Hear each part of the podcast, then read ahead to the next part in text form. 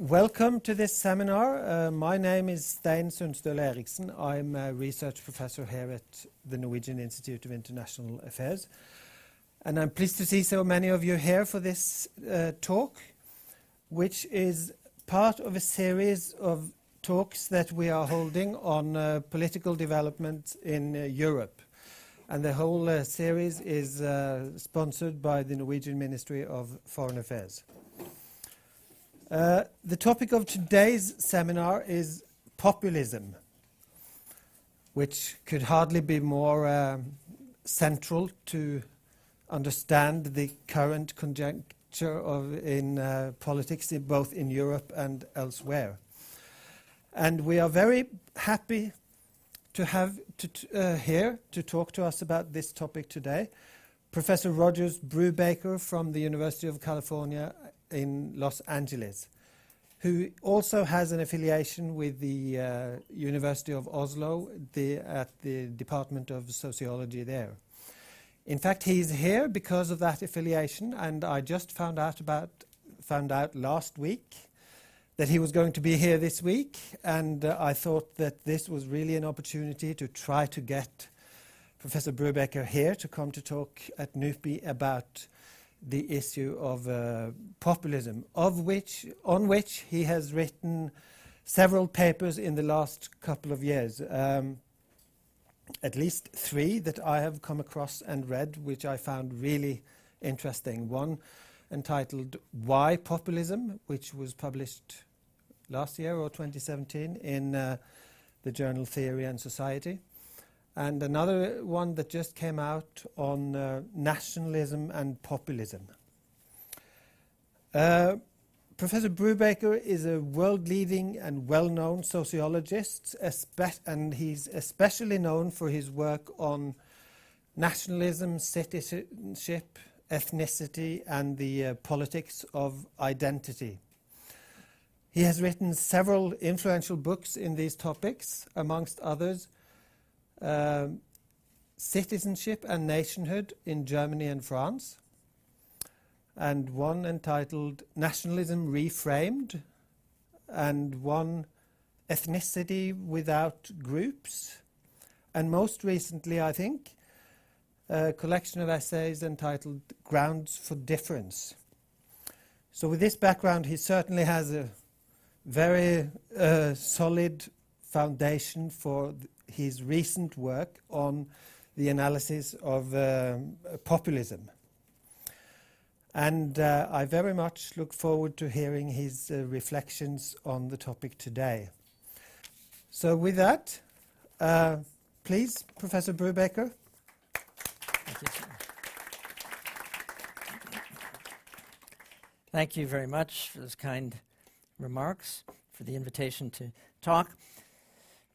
It's a commonplace to say that we've been living through an extraordinary pan European and transatlantic populist moment from the Brexit and Trump shocks through the Italian elections and Brazilian elections of last year to the European Parliament elections of this summer. Populism has been in the headlines, and not just right wing populism. Podemos in Spain, Syriza in Greece, the Mélenchon and Sanders insurgencies, the election of Lopez Obrador in Mexico have shown the strength of left populism in recent years. And then the Ukrainian elections this past spring presented the spectacle of a postmodern anti political media populism of indeterminate political content, a populism of pure rejection with a large dose of what has been called in other contexts politainment. Uh, Italy's shape shifting and currently struggling Five Star Movement, of course, also headed by a comedian, is likewise hard to classify on a left right axis. But the main action, of course, has been on the right or far right.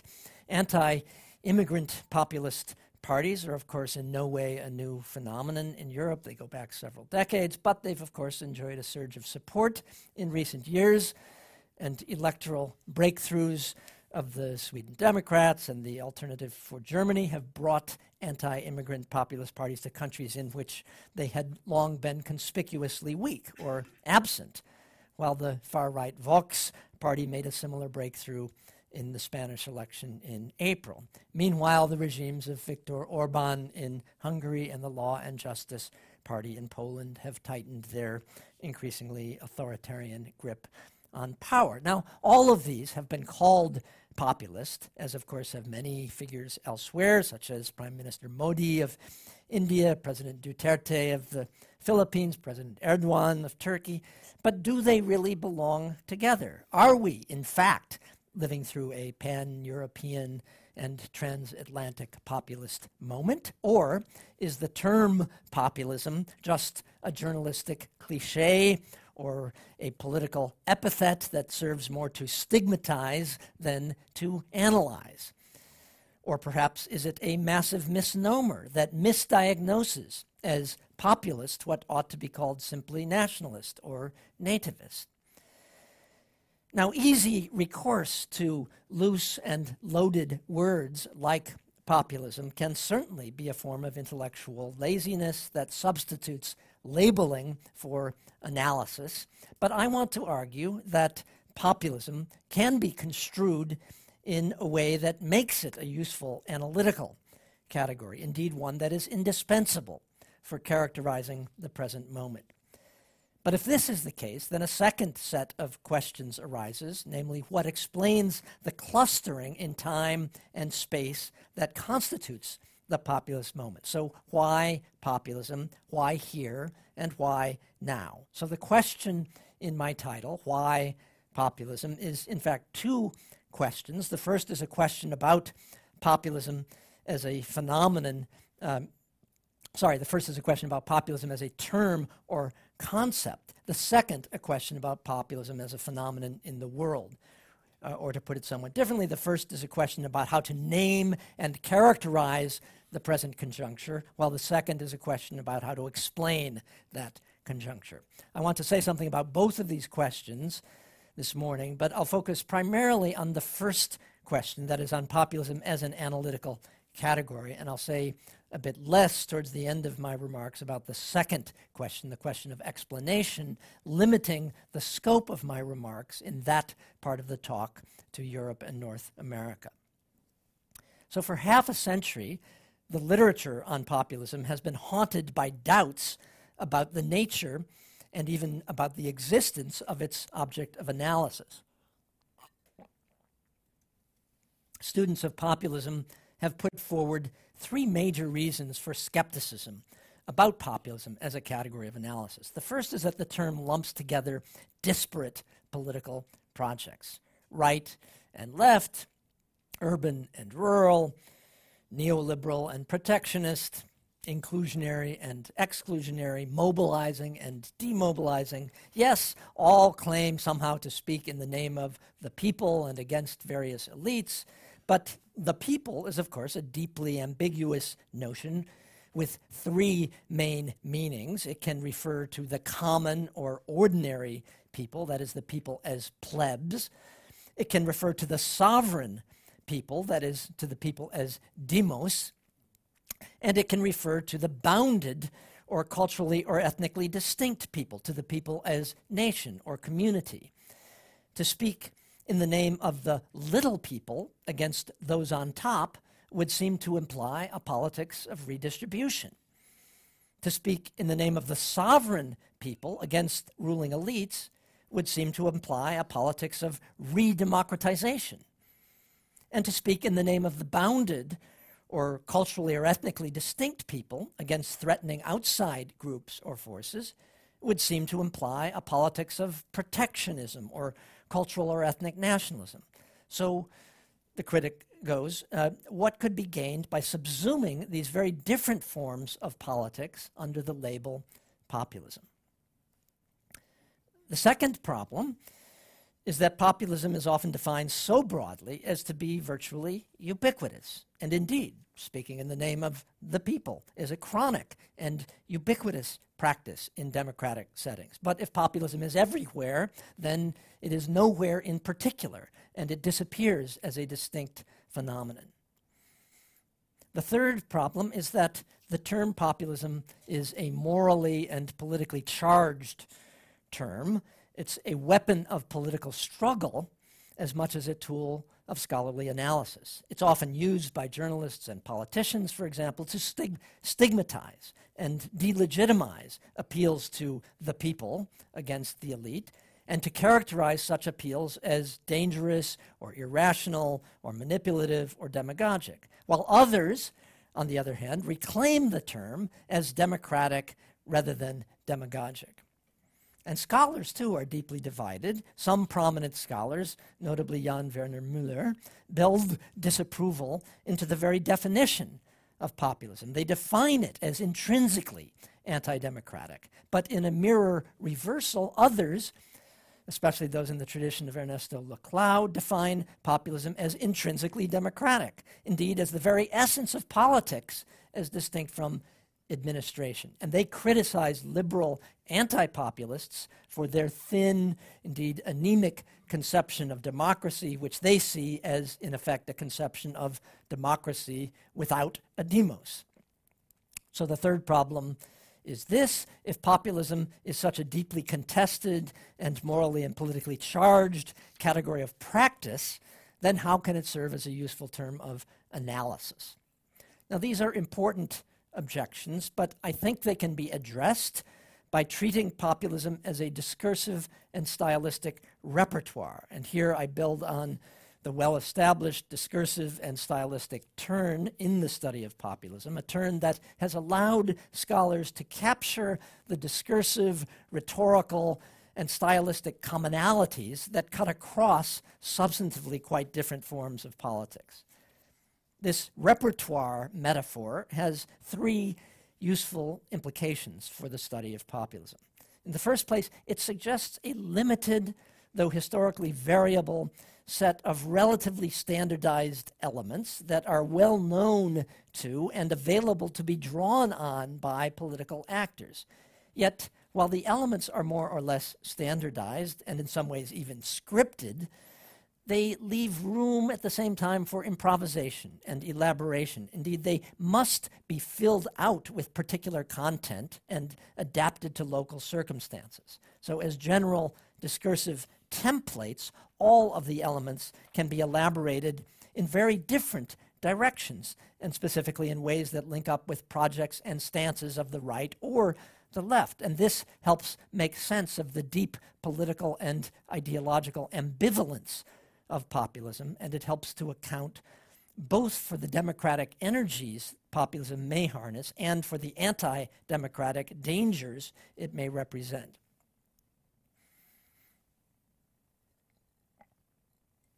Secondly, the repertoire metaphor suggests that instances of populism are related by what Wittgenstein, writing about the difficulty of defining a game, famously called a family resemblance rather than by strictly logical criteria. So, just as there may be no common features shared by all games, but instead what Wittgenstein called a complicated network of similarities overlapping and crisscrossing, so too it may not be fruitful to seek to specify a necessary or sufficient set of elements for characterizing a party or a politician or a discourse as populist. A further implication of this family resemblance uh, idea is that elements of the repertoire, taken individually, are not uniquely populist, but that it's rather the combination of elements rather than the use of individual elements from the repertoire that's characteristic of populism. I'll argue in a moment that populism um, the repertoire of populism is indeed built around a core element, that, namely the claim to speak and act in the name of the people. But even this core element, though empirically predominant, is neither conceptually necessary nor empirically universal, and it can be combined in varying ways with other elements from the populist repertoire, each of which can be given different weights or inflections.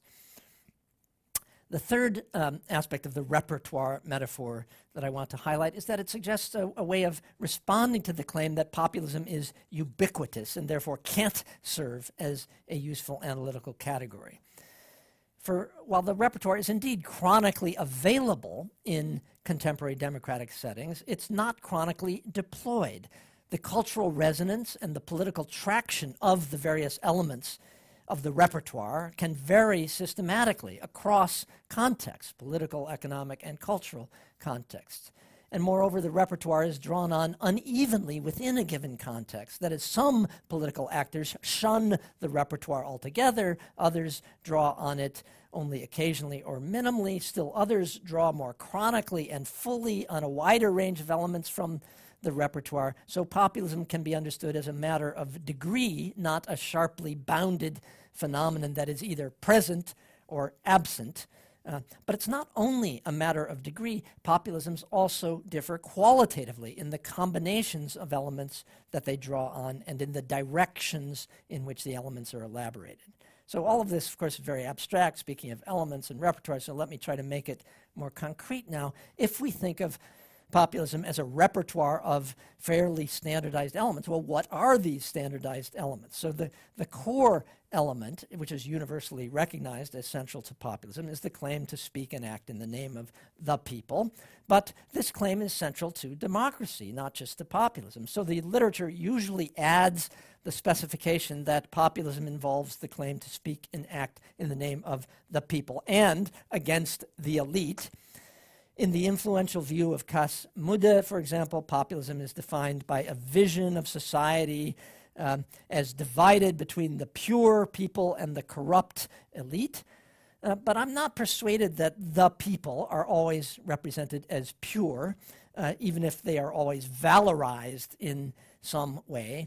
And corruption seems to me to be one of only many failings ascribed to elites, not always the most important one. More fundamentally, I would argue, populism is based not only on the vertical opposition between the people and the elite, but also, I will argue, on the horizontal opposition between inside and outside.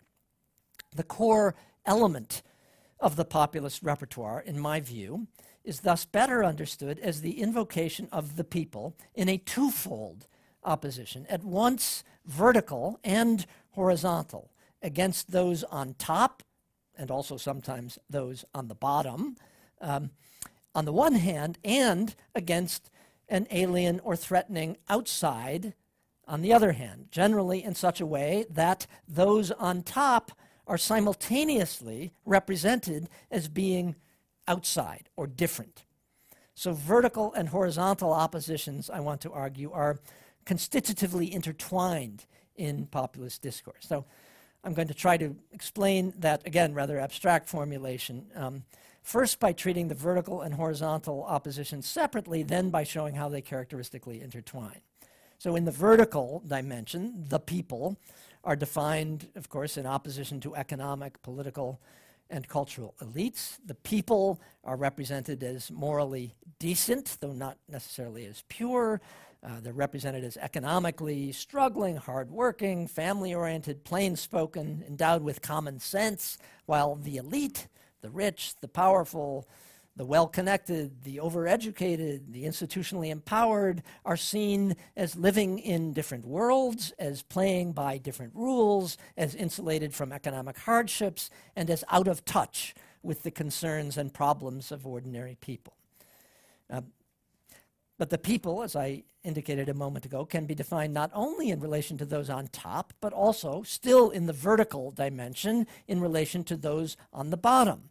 This downward focus of populist anger and resentment has been less widely discussed in the literature than the upward focus, but it's often equally important. Those on the bottom may be represented as parasites or spongers, as addicts or deviants, as disorderly or dangerous, as undeserving of benefits and unworthy of respect, and thus as not belonging to the so called decent, healthy, normal, hardworking people. Now, in the horizontal dimension, the people are understood as somehow bounded, a bounded collectivity, and the basic contrast is between inside and outside. Left wing populism, I use the term as a kind of shorthand, though it's not unproblematic, construes this bounded collectivity in economic or political terms and identifies the threatening outside with things like unfettered trade, unregulated globalization, the European Union, or especially in Latin America, American imperialism, While right wing populism, again, the label is not entirely adequate, construes the people as a culturally or ethnically bounded collectivity with a shared and distinctive way of life, and sees that collectivity as threatened by outside groups or forces, including, of course, internal outsiders, that is, those living on the inside who are seen as belonging to the outside.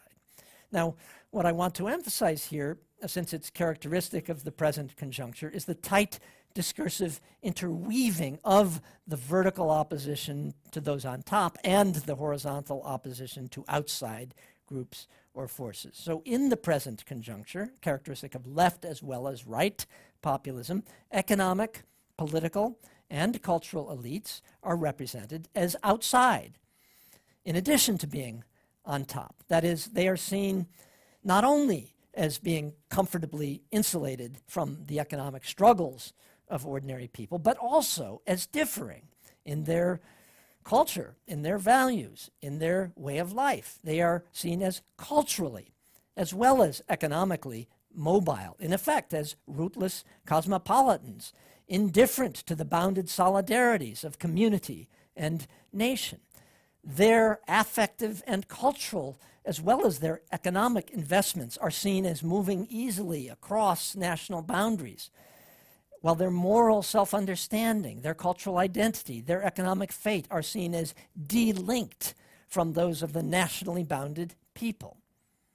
Now, left wing variants of this intertwining of horizontal and vertical oppositions are more likely to emphasize the elite's economic outsiderhood and their supranational or global economic ties, horizons, and commitments, while right wing variants are more likely to emphasize elites' cultural outsiderhood. They criticize elites for welcoming immigrants and financially supporting refugees while neglecting the hardworking native population and for favoring mixing and multiculturalism while denouncing ordinary people as racist and Islamophobic, as Hillary Clinton infamously did when she characterized Trump supporters as a, quote, basket of deplorables. Now, in addition to this core element, this invocation of the people in simultaneously uh, horizontal and vertical dimensions, I want to sketch briefly five additional elements of the populist repertoire, which are best understood, I think, as elaborations or specifications of that vertical opposition between people and elite or the horizontal opposition between inside and outside. My account of these um, additional elements is informed by my concern with Europe and North America, but I think all five um, are more broadly relevant. The first of these is what I will call antagonistic repoliticization. Now, this has been emphasized by theorists and defenders of left populism, especially by those working in the tradition of Ernesto Laclau and Chantal Mouffe. What do I mean by antagonistic repoliticization? I mean the claim to reassert democratic political control over domains of life that are seen as having been depoliticized and, as it were, de democratized, that is, removed from the realm of democratic decision making. So, this may involve opposition to the infamous claim that there is no alternative to neoliberal economic policies. It may involve opposition to the extension of administrative or technocratic or juridical at the expense of political modes of decision making. It may involve opposition to the stifling of debate about fundamental political questions that can result from, say, grand coalitions or from ideologically indistinguishable groupings of major parties, or it may involve opposition to the abdication of key aspects of national sovereignty to the EU with its deep democratic deficit and so on. In all of these cases, contentious repoliticization has an anti elite thrust in that elites are represented, plausibly enough, as distrusting the people and thus as favoring modes of decision making that are insulated from the pressures, the passions, the putative irrationalities of democratic politics. So, contentious repoliticization draws sharp and antagonistic boundaries between the people and the elite. Liberal critics of populism denounce this polarizing language as Manichaean, but supporters of populism on the left and on the right defend the antagonistic language and the energies it can mobilize.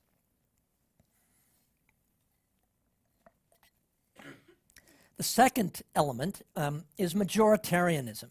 That is the assertion of the interests, the rights, the will of the majority against those of minorities. Majoritarian claims may be directed against those on top, those on the bottom, those at the margins. They may challenge the privileged few in the name of the many, but they also may challenge the rights and benefits accorded to those on the bottom. For example, they may challenge um, in the US context, certain forms of welfare benefits, for example, or the procedural protections of criminal law for which the decent, hardworking majority must allegedly bear the cost, or they may challenge efforts to promote the interests, protect the rights, or recognize the dignity of marginal groups, marginal defined by religion, race, or ethnicity, immigration status, sexuality, or gender. They may reject discourses and practices of multiculturalism, diversity, or minority rights, seeing these as disadvantaging or symbolically devaluing those in the mainstream. So, majoritarianism again highlights the ideological indeterminacy and ambivalence of populism. The third element is what I call anti institutionalism. This um, is, of course, a selective anti institutionalism. When in power, populists construct their own institutions and seek to dominate and work through existing ones. But populism is an ideology of immediacy. And as such, it distrusts the mediating functions of institutions. It claims to promote direct rather than representative democracy. And even as populists seek to exploit or control the established media, they also seek to bypass it and to communicate directly with their supporters, as, of course, Trump and others have done through Twitter and other social media platforms. Populist anti institutionalism also distrusts the complexity and the opacity of institutional mediation and the pluralism and autonomy of institutions. So, Trump, for example, has ferociously attacked the legitimacy of the mainstream media and the legitimacy of the courts as well, while Hungary's Fidesz regime has pursued a comprehensive institutional Gleichschaltung that has subordinated courts, media, the economy, and academic and cultural institutions to the party state. The fourth element in the repertoire is protectionism, uh, the claim to protect the people against threats, again, from above, from below, or from outside. Um, I distinguish economic, securitarian, and cultural protectionism, all three being central to the present conjuncture. Economic protectionism highlights the threats to domestic producers from cheap foreign goods, the threats to domestic workers from cheap foreign labor, the threats to domestic debtors from foreign creditors. Uh, securitarian protectionism highlights, of course, threats from terrorism and crime, and cultural protectionism highlights threats to the familiar life world from outsiders who differ in things like religion or language or food or dress or bodily behavior or modes of using public space. Now, the final element of the repertoire that I want to sketch here pertains not to the what of populist discourse, but to the how, to matters of communicational style. This is a topic long discussed in the literature on media and politics, more recently taken up by scholars like Pierre Ostiguy and Benjamin Moffitt. Um, in Ostiguy's terms, the populist style is a low style. It performatively devalues complexity through rhetorical practices of simplicity, directness, and seeming self evidence. Often, this is accompanied by an explicit anti intellectualism or what's been called an epistemological populism that valorizes common sense uh, and uh, firsthand experience over abstract and experience distant forms of knowledge. The low style is enacted not only through ways of talking, but also through embodied ways of doing and being, involving gesture and tone and sexuality and dress and food. A further aspect of the style, the popular style, opposes common sense and plain speaking to the constraints and restraints of civility and political correctness. Populists not only criticize the rules governing acceptable speech, they relish violating those rules. Through an intention seeking strategy of provocation, they celebrate their willingness to break taboos, to refuse euphemisms, to disrupt the conventions of polite speech and civilized demeanor. So, as anthropologist Gabriella Coleman noted, uh, for example, Trump used conspicuous rudeness, crude sexual references, and a general bad boy demeanor to project an image of authentic proximity to the people, in contrast to Clinton's perceived scriptedness and inauthenticity.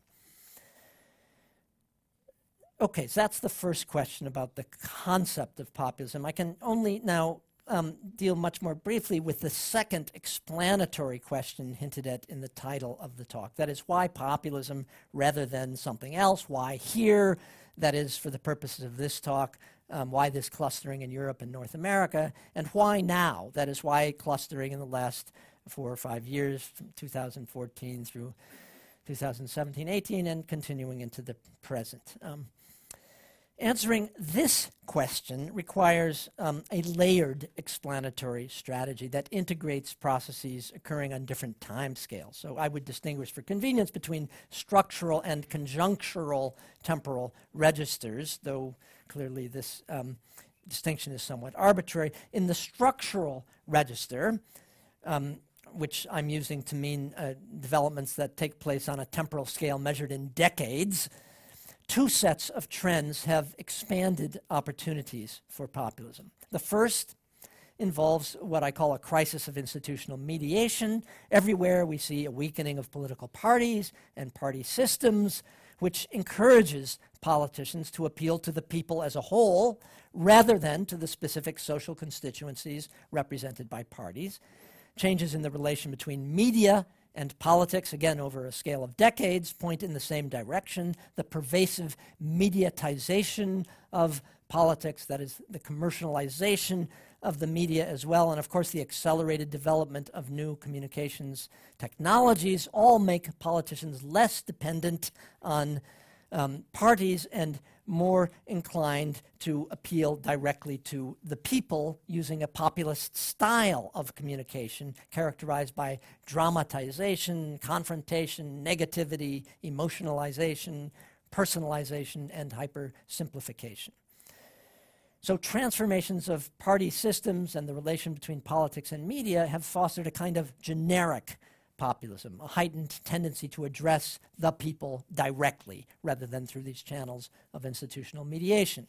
A second set of structural transformations, again on the scale of decades, that are at once demographic, economic, and cultural, have encouraged a more specific form of protectionist populism.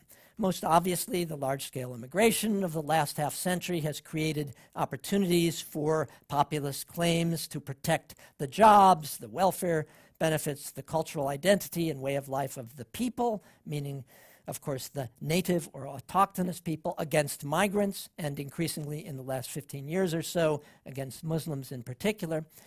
Economic transformations um, have fostered a partly overlapping, partly distinct form of protectionist populism. These economic changes have created opportunities for populist appeals to ordinary people against those on top, but also against outside groups and forces seen as threatening our jobs, our prosperity, our economic security. These transformations are, of course, familiar. They, incre- they include increases in inequalities, the regionally concentrated collapse of manufacturing jobs, the dramatic opening up of national economies, the shifting of risks and responsibilities to individuals through neoliberal modes of governance. Um, and it's worth emphasizing here that social democratic parties did not seize the political opportunity created by these economic shifts. Their neoliberal turn in recent decades left the field open to other parties on the right as well as the left to advance populist claims to protect domestic jobs and welfare benefits. Now, this broad economic story, very familiar, holds for the US as much as for Europe, but of course, the dynamics of European integration and the institutional architecture of the EU have provided a distinctive focus uh, for both economic and cultural forms of protectionist populism, thanks to the EU's deep democratic deficit, its imposed policy straitjacket, its constitutional enshrinement of market freedoms, its position as both on top and outside of national polities, and its foundational commitment to downgrading and, in key domains, dissolving national boundaries the momentous cultural transformations of the last century have also created opportunities for populism, in this case, a different kind of protectionist populism oriented to protecting traditional values, hierarchies, and ways of life. Successive waves of emancipatory liberalism since the 1960s have created opportunities for populists to attack political correctness and to speak in the name of an aggrieved, symbolically neglected, or devalued majority against the alleged privileging of minorities, including religious, ethnic, and racial minorities, both immigrant and non immigrant on the one hand, and gender and sexual minorities on the other. Now, the problem with this account of medium term structural trends extending over decades is that it explains too much. That is, if all of these trends favor populism, then we face the problem of explaining why populism is not ubiquitous. Or we can define populism so broadly that it is ubiquitous, uh, but then we would have to speak not of a populist moment, but of a populist era. And maybe there's something to that, but clearly I think there's something special about the moment of recent years. So, thinking of populism as a discursive and stylistic repertoire offers a, a way around this difficulty. That is, the trends, these medium term trends that I just sketched, um, have created in incentives for almost all political actors to draw in some contexts on some elements of the populist repertoire, but thicker forms of populism that draw on the full range of elements from the repertoire are not chronic or ubiquitous. So the populist repertoire is indeed chronically available in contemporary democratic context, but it's not chronically or uniformly activated.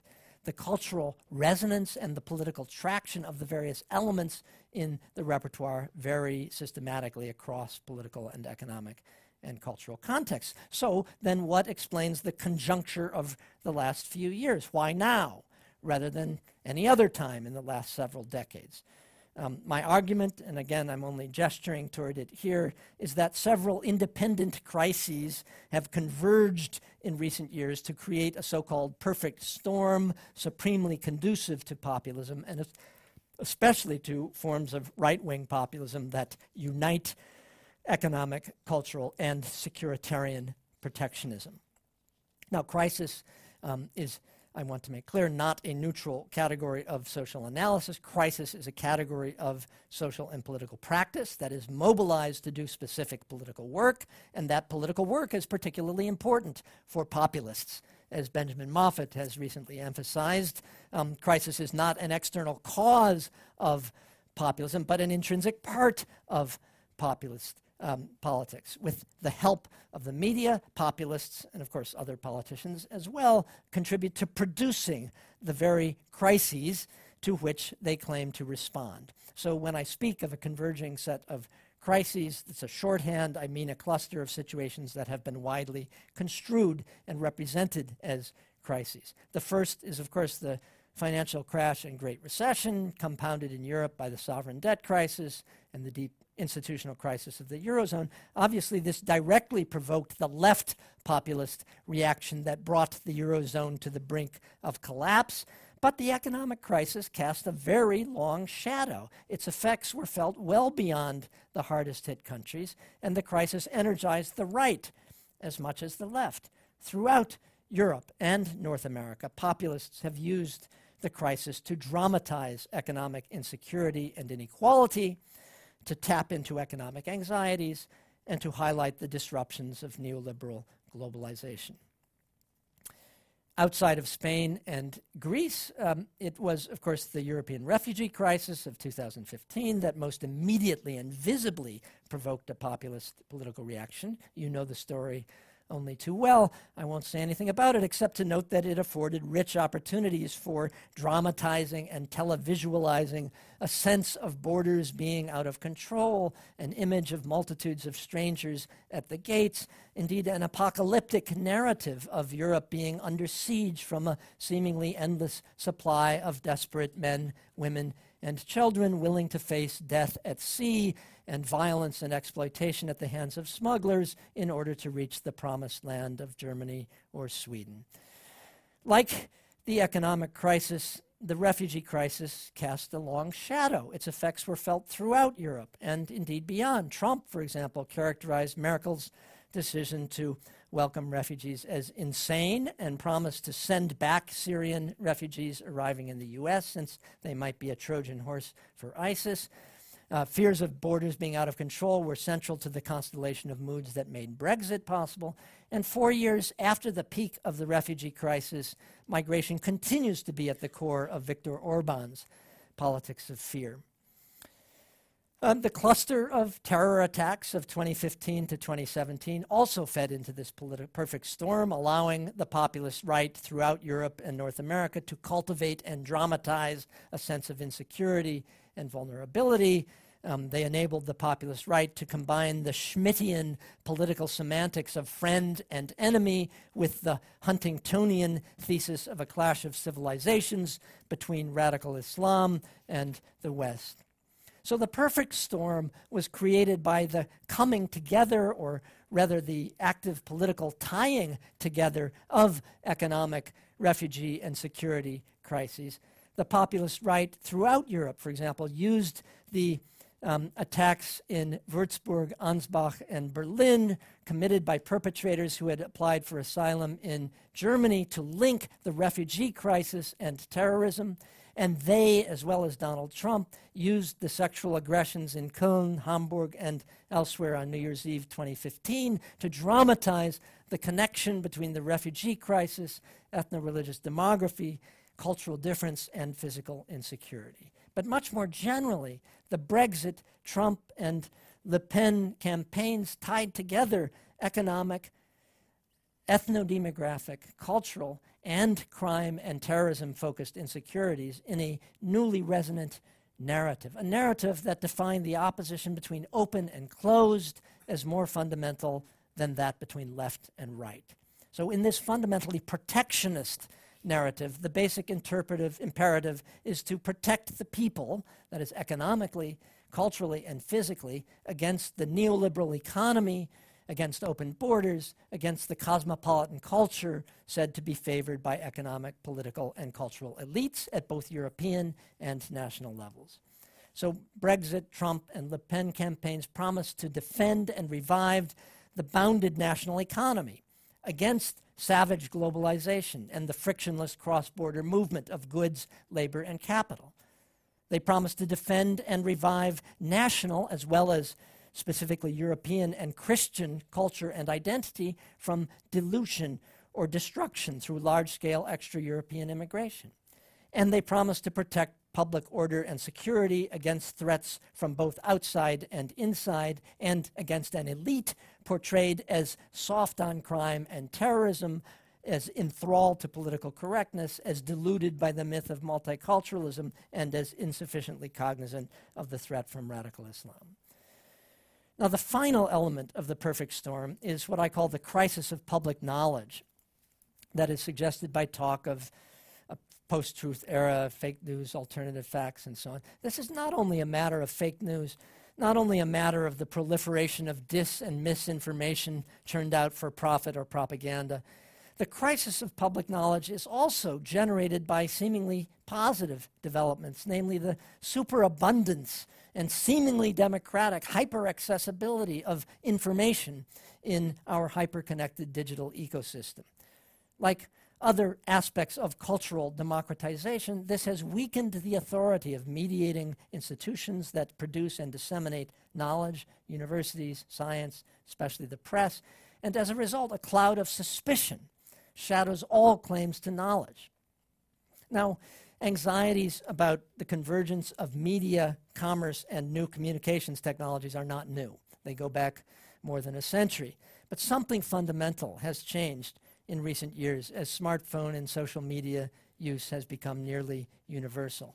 Trump's spectacular use of Twitter to appeal um, directly to his huge and active following and to bypass and denounce the mainstream media, even as he skillfully exploited the mainstream media's dependence on him and used Twitter to make news uh, the mainstream media felt it had to cover, would not have been possible even a few years earlier. And of course, Trump is in no way alone in his skillful use of Twitter and more broadly social media to appeal directly to the people.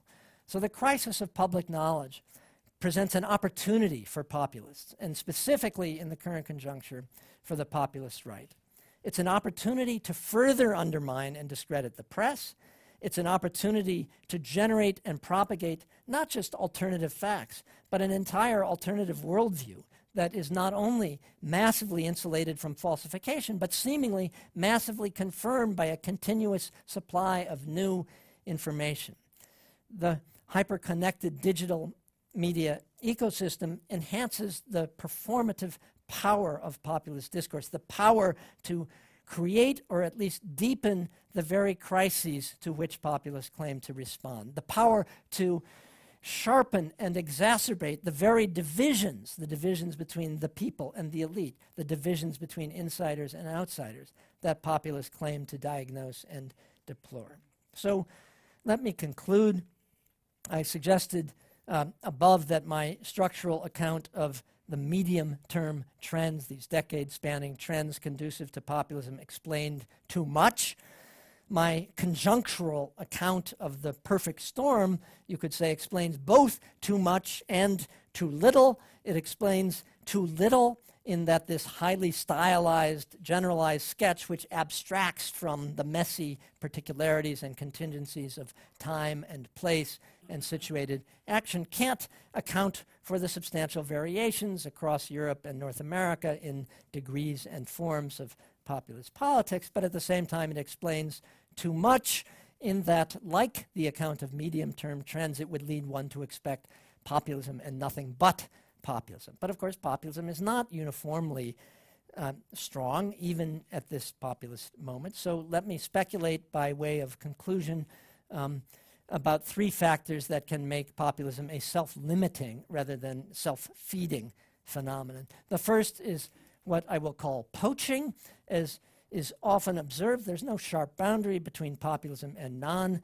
populism or even anti populism. Both substantive themes and stylistic devices from the populist repertoire are routinely appropriated by mainstream political actors and sometimes precisely in an effort to combat populist challenges. So, a classic uh, example, uh, familiar to most of you, uh, was Dutch Prime Minister Mark Rutte's um, notorious open letter to all Dutch people, published in all major newspapers a few weeks before the two 2017 election in an effort to head off a strong challenge from Geert Wilders, whose anti immigrant uh, radical right populist party had then been leading in the polls for almost a year. Rutte used simple, direct language to proclaim his identification with the discomfort felt by the hardworking, silent majority in face of immigrants who, quote, misuse our freedom um, to act in ways that are, quote, not normal and he called on immigrants to, quote, behave normally or leave. So if this is anti populism, um, you might find yourself wondering then what is populism? Now, uh, an, another example um, was the poor showing of the Danish People's Party in this year's uh, elections, a decline attributed um, by many observers to the fact that the previously incumbent center right party um, had moved substantially closer to um, the restrictive immigration um, positions advocated by the People's Party.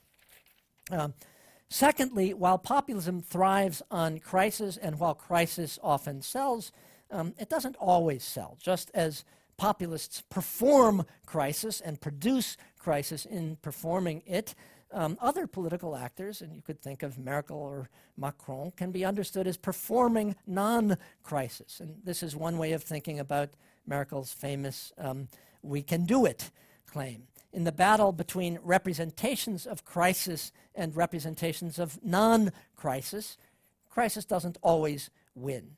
Um, and the third and perhaps most important limit on populism is what I will call the limits of enchantment.